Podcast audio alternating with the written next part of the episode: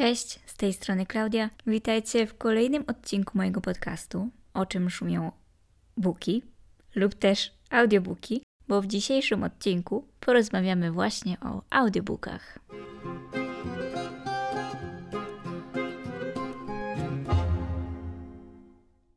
Gdybyście przed pandemią zapytali mnie, czy lubię audiobooki, powiedziałabym, że nie. I nawet nie potrafiłabym się na nich skupić.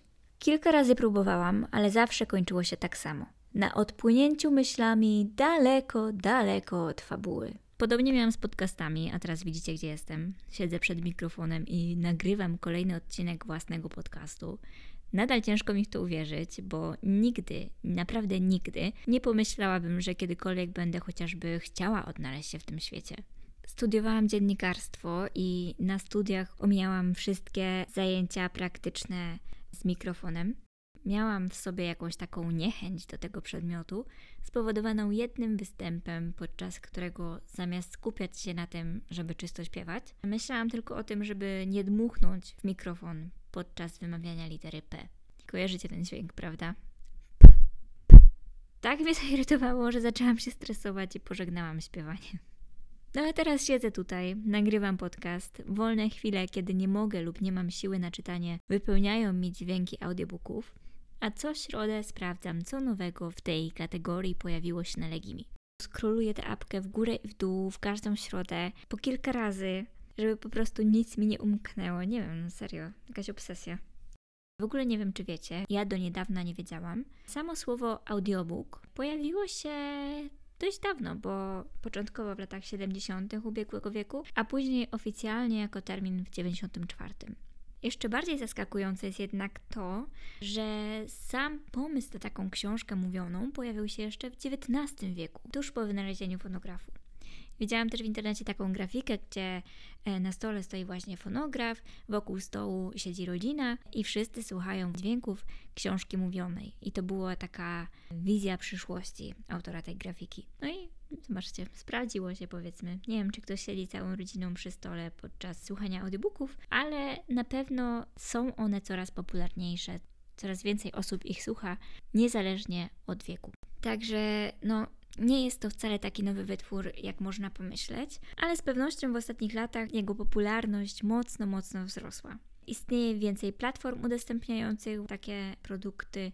Mamy wspomniane już Legimi, Storytel, Audiotekę, BookBeat. Mam ogólnie wrażenie, że czasy pandemiczne zwiększyły zainteresowanie tą dźwiękową formą przekazu. Samotne spacery, brak szumu biura podczas pracy. To wszystko sprawiło, że po prostu trzeba było czymś tę ciszę wypełnić.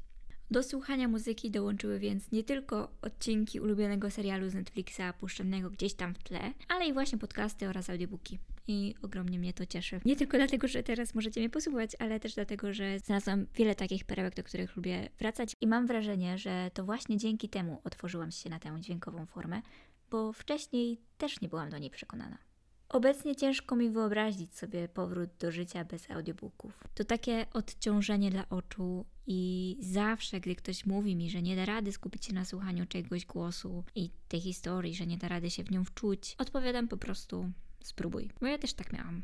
Też z ogromnym dystansem podchodziłam do tych tworów. I też długo, długo, długo broniłam się, myśląc, że nie dam rady, że to nie dla mnie i tak dalej. A potem włączyłam którąś część Harry'ego Pottera e, do sprzątania w mieszkaniu, w którym rezydowałam wówczas tylko ja. Było więc cicho, nudno. No i Harry Potter to jest seria, którą znam niemal na pamięć. Dzięki temu nawet jeśli na chwilę wyłączyłam się i przestałam śledzić fabułę, szybko potrafiłam znów się w niej odnaleźć.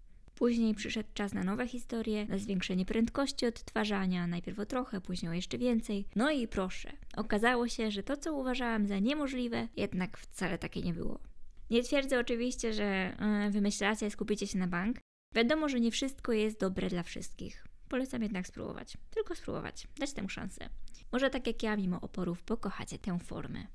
No a właśnie między innymi za niedawno odkryta miłość sprawia, że tym bardziej bolą mnie komentarze, jakoby audiobooki nie były książkami. No bo wiecie, ktoś wam tę książkę czyta, wysiłku przy tym żadnego nie ma, kartki same się przewracają wirtualnie, jeszcze gorzej. No, nie liczy się takie pseudoczytanie. Wy po prostu nie czytaliście tej książki. Ale pomyślmy o tym w inny sposób. Jeśli kupujemy taki odkurzacz robota, taką rumbę na przykład, No i ten odkurzacz jeździ po mieszkaniu, sprząta, robi to za Was. Czy to więc oznacza, że tak naprawdę Wy w ogóle nie sprzątacie tego mieszkania, czyli to mieszkanie jest nieposprzątane?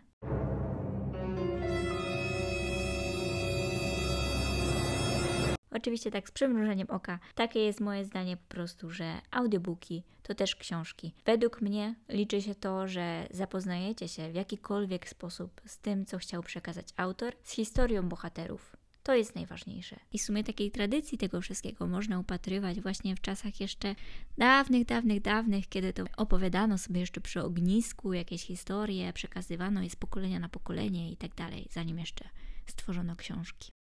Jeśli przeszliście tu jednak nie po moje rozważania, a po audiobookowe polecanki, już mówię. Postaram się te wszystkie audiobooki pokategoryzować, nie ze względu na samą fabułę jednak, ale typ audiobooka. Ach, profesorowie ze studiów byliby dumni, że tworzę własną typologię. na herbatce u gawędziarza. Zacznijmy więc od takich, które zrobiły na mnie wrażenie swą gawędziarską formą. Podczas słuchania czułam się po prostu, jakbym siedziała w jakimś takim głębokim, miękkim fotelu przy kominku i słuchała osoby będącej obok. Miałam tak na przykład z trzynastą opowieścią. Lektorki wspaniale snuły opowieść, w pełni oddając jej klimat wykreowany przez autorkę. Dość mroczny, mglisty, ze starym domem w tle, z fajnymi parami, które e, było tam właśnie, e, były jakieś bliźniaki, był, e, było dużo różnych rzeczy, które działy się w tym domu, w którym no, rodzice nie to przejmować nimi i w ogóle. Mam cały podcast o tej książce, więc nie będę się rozgadywać.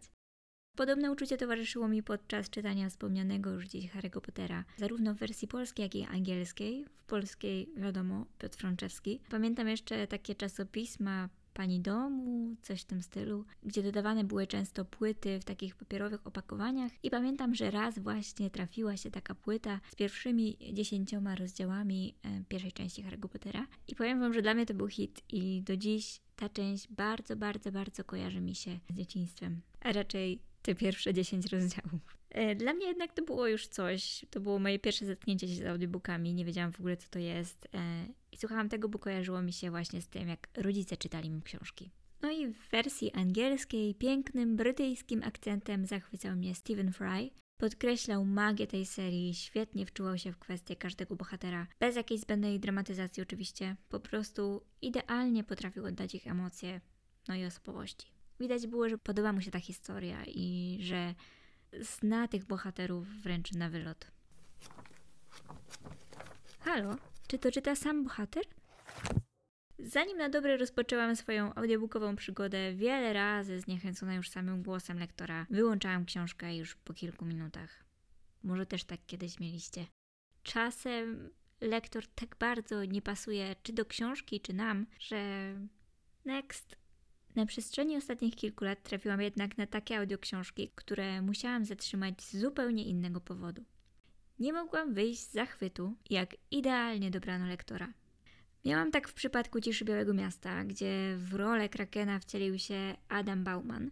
No jeju, idealny głos dla prowadzącego śledztwo komisarza, wyważone emocje, mega przyjemnie się tego słuchało. A sama historia też niczego sobie, udało jej się nawet przekonać mnie do kryminałów i zachęcić do poznania kraju Basków. Akcja rozgrywa się bowiem właśnie w tym regionie Hiszpanii, a fabuła kręci się wokół śledztwa dotyczącego pewnego dość nietypowego morderstwa. Kolejne przypadki tego typu audiobooka to Cień Wiatru oraz Siedem Śmierci Evelyn Hardcastle, gdzie lektorzy wytwarzają swymi głosami aurę tajemniczości i idealnie oddaje ona tę ze stron powieści. E, zaznaczę tutaj tylko, że Siedem Śmierci to audiobook dla bardziej zaawansowanych słuchaczy, bo fabuła jest tutaj dość skomplikowana i sama musiałam słuchać niektórych fragmentów po kilka razy, a potem przerzuciłam się już na papier. Tak czy siak, fabularnie jest on point, to jedna z absolutnie najlepszych książek, jakie przeczytałam w zeszłym roku. Jeśli szukacie czegoś lżejszego, gdzie osoba czytająca będzie idealnie odzwierciedlać emocje i osobowość bohaterów, to polecam Gujcia. Zabawna, przyjemna historia, raz po raz wywołująca uśmiech na twarzy. Poprawnie, ale bez większego szału. Jest wiele takich audiobooków, których słuchało mi się dobrze, ale nie wyróżniły się zbytnio na tle wymienionych wcześniej.